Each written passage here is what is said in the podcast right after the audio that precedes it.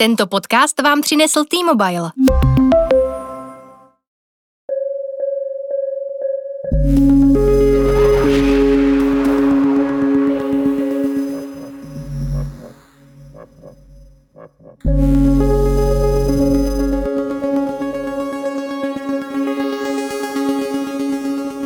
Posloucháte podcast týdenníku Respekt, zdraví vás Hana Řičicová a povídáme se s kolegou Ondřejem Kundrou o dění kolem Miloše Zemana, kanceláře prezidenta republiky nebo o policii právě zahájeném vyšetřování možného spáchání trestných činů proti republice ze strany prezidentova okolí. Ahoj Ondro. Ahoj. Ondro, existuje podezření, že, jak už jsem zmínila, prezidentovo okolí zneužívalo jeho zdravotní stav. Policie České republiky na svém Twitteru dneska dopoledne oznámila, že zahajuje prošetřování možného spáchání trestných činů proti republice. Jak teďka bude postupovat? Policie nepochybně vyspovídá celou řadu lidí. Tím klíčovým, eh, na kterého se zřejmě bude zaměřovat, je kancléř prezidenta republiky Bratislav Minář. To je člověk, eh, který, jak jsme se včera dozvěděli z úst předsedy Senátu Miloše Vystrčila, měl od minulého týdne od ústřední vojenské nemocnice, to je tedy to zařízení, kde se léčí prezident Miloš Zeman, zprávu, že eh, prezident eh, není schopen vykonávat pracovní povinnosti a to zřejmě ani v nějakém výhledu týdnu dopředu. Přestože měl k dispozici tyto informace, eh, tak prezidentova lůžka eh, se zdá, že eh, docházelo k různým podezřelým setkáním. Pan Minář tam měl vodit různé hosty, jedním z nich měl být a byl tedy předseda poslanecké sněmovny pan Vondráček, který následně po schůzce u Miloše Zemana, byla to krátká schůzka, vystoupil s tím, že eh, prezident je tedy schopný pracovat, eh, dokládal to podpisem eh, dokumentu, který umožňoval svolat jednání nově zvolených poslanců. No a policie se bude na pana Mináře a lidi v jeho okolí zaměřovat zřejmě proto, že i když měl u nemocnice informace o stavu prezidenta Zemana, mohl eh, podnikat akce, které měly navodit dojem, že prezident je vlastně jakoby v pořádku. To znamená, že to jeho jednání eh, mohlo uvádět v omyl veřejnost, mohlo naplňovat nějaké eh, znaky nějakého podvodného jednání, mohlo tam docházet k manipulacím. Další věc, na co se policie určitě bude zaměřovat, je, jestli tedy ten dokument, eh, který ukázal předseda poslanecké sněmovny Vondráček na svolání nových poslanců, tak jestli ho skutečně podepsal prezident Miloš Zeman, jestli nemohl být podepsán někým jiným. Kdyby to tak bylo, tak jestli šlo o jeden dokument, který by mohl být podepsán někým jiným, nebo jestli těch dokumentů náhodou nebylo více. My jsme v Novém Respektu napsali, že hostů eh, o lůžka Miloše Zemana eh, bylo vedle kancléře mináře nejmíň pět, eh, tak myslím si, že na všechny tyhle ty lidi se policie bude zaměřovat. Myslím, že se docela nabízí otázka, proč to Vratislav Minář neřekl dřív, jaký na tom on sám mohl mít nějaký osobní zájem. Proč uh, Vratislav Minář neseznámil uh, veřejnost s tím, jaký je skutečný stav Miloše Zemana, je velmi zajímavé. Tím se nepochybně bude také policie zabývat. Jak jsem říkal, on měl k dispozici zprávu od lékařů Miloše Zemana, že Miloš Zeman není schopný uh, vykonávat pracovní povinnosti.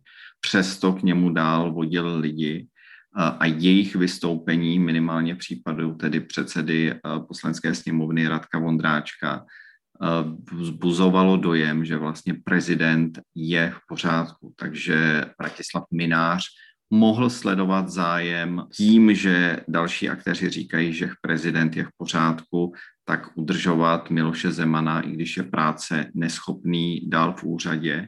To znamená udržovat také sebe v čele kanceláře prezidenta republiky, a to i přesto, že e, tedy prezident není schopný vykonávat ten svůj mandát. Proč by měl tohleto Vratislav Minář chtít mimo tedy nějakou, nějakou neochotu vzdát se své moci, svého postavení, protože už je v tom úřadě velmi dlouho a zřejmě s ním je e, natolik srostlý, že si to e, dokáže dost těžko představit tak to je zase něco, čím by se měla tedy zabývat policie, případně bezpečnostní informační služba.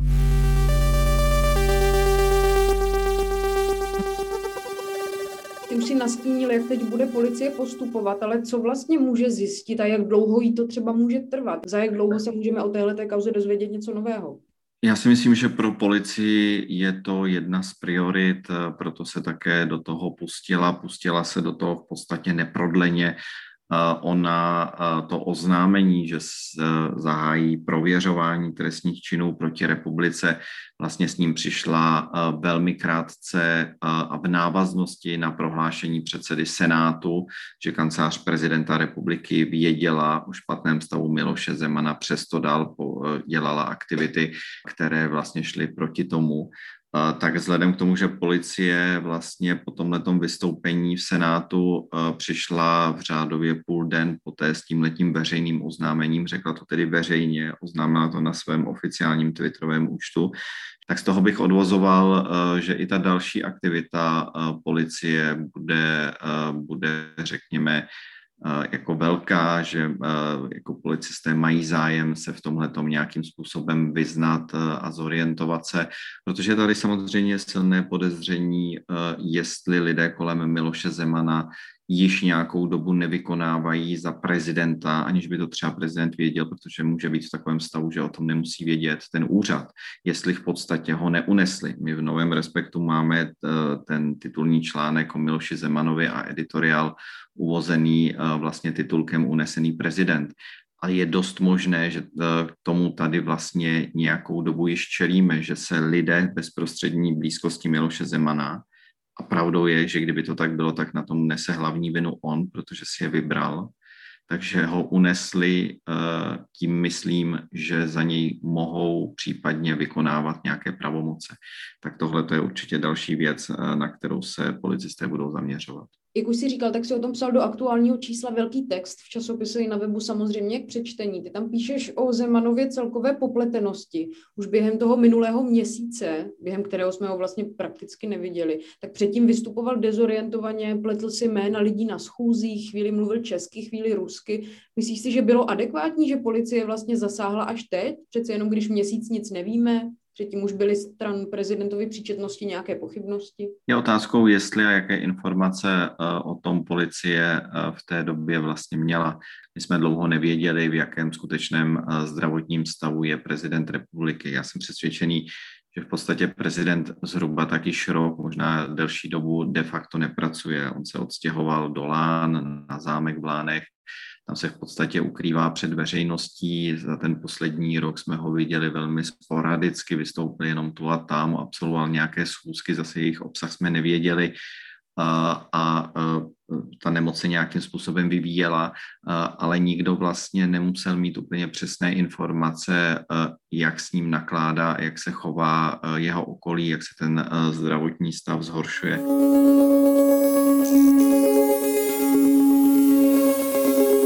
situace je vlastně celá bezprecedentní. Na jaké pole vlastně vstupujeme? Přes Senát teď aktivuje článek 66, ten přináší prezidentovi pravomoci na další ústavní činitele, nicméně může být dočasný protože je možné ho vlastně deaktivovat a stačí k tomu jenom jedna z komor. Co by se muselo stát, aby se to vrátilo zpátky, aby došlo k té deaktivaci článku 66? Já si na to dovolil odpovědět uh, několika rovinami. Ta jedna je, že to je úplná novinka v moderní uh, politické historii uh, novodobé demokratické téhleté země po roce 89, i když například někteří prezidenti měli také zdravotní problémy, tak eh, nikdy nebylo potřeba eh, přistupovat eh, k aktivaci právě tohoto článku 66, který dotyčného prezidenta nezbavuje funkce prezidenta, ale přenáší jeho pravomoci na jiné politiky, především předsedu Senátu a především předsedu poslanecké sněmovny, přenáší proto, protože prezident, když je velmi nemocný, tak ty pravomoci nemůže vykonávat. Druhý ten rozměr je, že eh, přenesení těch pravomocí eh, může být eh, na dobu omezenou. Ono se to nestanuje jako konkrétně, ale neznamená to, že když prezident bude nějakým způsobem schopný dožít tom eh, mandátu na to funkční období, eh, takže by se mu ty pravomoci nemohly vrátit, kdyby se ten jeho eh, zdravotní stav, řekněme, o něco zlepšil. Třetí rozměr je, že, a to bych řekl, že je rozměr právního státu, že tenhle ten článek umožňuje ochranu samotného prezidenta, protože eh, by například jeho pravomoci mohly být zneužívány jeho okolím. Takže když se přenesou eh, na někoho své právného, na ty politiky, které jsem jmenoval, tak je to jistá ochrana prezidenta ve stavu, kdy není schopný vykonávat ten úřad. No a ten druhý rozměr je, že, a to je taky součást eh, jakoby právního státu, že prezident má možnost se institucionálně proti tomuto rozhodnutí bránit, kdyby tedy poslanecká sněmovna a senát eh, odsouhlasili aktivaci článku 66 tak prezident se může odvolat eh, na ústavní soud. Eh, tam eh, musí obě strany, to znamená jak poslanci a senátoři dokazovat, proč její přenesení pravomocí, tak prezident musí dokazovat, že vlastně je případně lepší kondici, než jak se parlamentu zdá. A vlastně, když celým tímhletím mechanismem projdeme, tak to bude výpovědí o tom, že právní stát téhleté zemi funguje a že jednotlivé instituce právního státu plní tu svoji roli. Další zajímavá věc v téhle celé situaci je diplomatický pas Martina Nejedlého. Proč ho má vlastně vracet až teď? Protože politici byli zbabělí protože všichni ministři zahraničí eh, od roku 2013, když Martin Nejedlý dostal ten diplomatický pas od tehdejšího ministra zahraničí eh, Jana Kohouta, mimochodem v současné době je to náměstek současného ministra zahraničí, tak se báli prezidenta, báli se jeho reakce, báli se eh, vlivu a moci Martina Nejedlého u prezidenta republiky, takže tvrdili dlouho veřejnosti, že to vlastně nejde, že to není možné.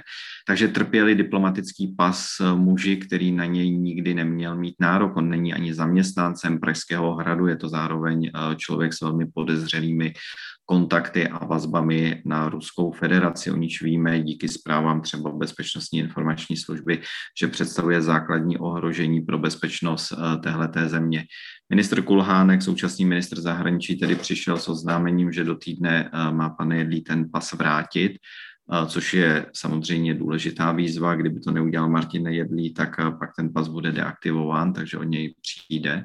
Ale myslím si, že ministr Kulhánek to mohl udělat už před před časem, domnívám se, nebo analyzuji si to tak, že cítí, že právě lidé v okolí prezidenta Zemana slábnou, takže si chce taky přiložit své polínko, aby vlastně vypadal dobře, že je tedy odvážný, ale řekl bych, že přichází s tímhletím rozhodnutím ne za pět minut 12, ale pět minut po 12.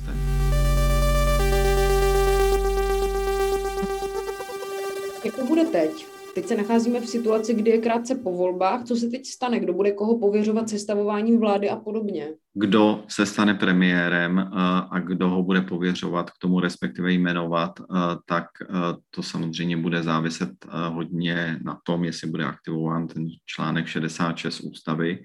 Jestliže ano a došlo by k tomu po té první schůzi nové poslanecké sněmovny, která je naplánována na 8. listopadu, tak tuhle tu pravomoc, ale ta pravomoc by přešla z, z, tedy z prezidenta Miloše Zemana na nově zvoleného předsedu poslanecké sněmovny. A jak již řekli ty možné vládnoucí strany těch dvou jako bloků, ať už spolu nebo Pirátů a stan, tak oni chtějí, aby tuhle tu funkci předsedy poslanecké sněmovny zastával někdo právě z jejich řad. Takže kdyby k tomu došlo, eh, řekněme, můžeme si tak říci, že by to mohlo být, eh, kdyby všechno šlo hladce a rychle někdy v polovině listopadu, tak někdy v polovině listopadu nebo po polovině listopadu by to jmenování od nového předsedy poslanecké sněmovny, který by byl tedy za tyto dvě koalice, eh, mohl a měl tedy zřejmě dostat Petr Fiala. Takže nové vlády bychom se mohli dočkat s důvěrou někdy do Vánoc. Co tebe teď bude v téhle kauze okolo prezidenta Miloše Zemana a kanceláře prezidenta republiky zajímat? Úplně všechno. Ale tak, eh, abych odpověděl samozřejmě eh, košatěj, eh, tak mě hodně zajímá vlastně role a chování kancléře Mináře koho tam vodil, kdo byli ti lidé, z, jak, z jakého důvodu je tam vodil, proč je tam vodil ve chvíli, kdy už věděl, že prezident Zeman není schopný pracovat, proč ti lidé pak říkali, že vlastně je schopný pracovat.